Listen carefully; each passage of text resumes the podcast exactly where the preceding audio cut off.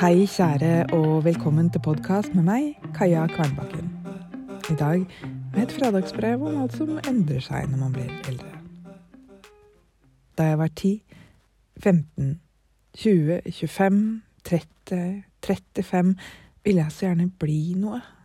Et stort navn. Helt, stjerne, best. Jeg vil fortsatt nå ut. Men aller helst vil jeg skrive. Aller helst vil jeg ha tid til å sitte med tekoppen om morgenen og se på soloppgangen og fuglene og la meg forundre. Aller helst vil jeg ha tid til å lytte til verden, og hvordan det er å være en kropp, en levende sjel, midt i alt dette. Da jeg var ti, 15, 20, 25, 30, 35, ville jeg så gjerne bli sett. Av alle. Jeg vil fortsatt bli sett. Vi trenger å bli sett, men av de helt nær. Og jeg vil se dem, og det jeg ser, vil jeg skrive. Og håper det vil hjelpe andre å se seg selv tydeligere.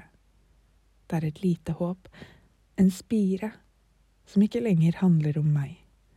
Og det er befriende.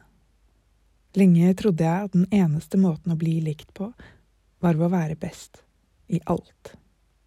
Jeg så ikke hvordan det drev folk bort for selv om jeg likte andre med alle deres feilbarligheter, selv om jeg likte dem uten at de var best, så kan det umulig ha virket sånn.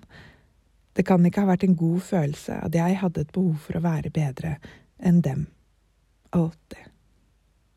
Fortsatt kjenner jeg en trang til å vinne, finne fasit. Men verden har ikke to streker under svaret, og ingen vinnere. For hva er det du vinner når du står alene på toppen? Måtte du se deg selv tydeligere. I kjærlighet, din Kaja. Forresten, setter du pris på denne podkasten? Gi den fem stjerner der du lytter til podkast, og del den med andre du tror vil sette pris på den. Det setter jeg pris på. Vi høres.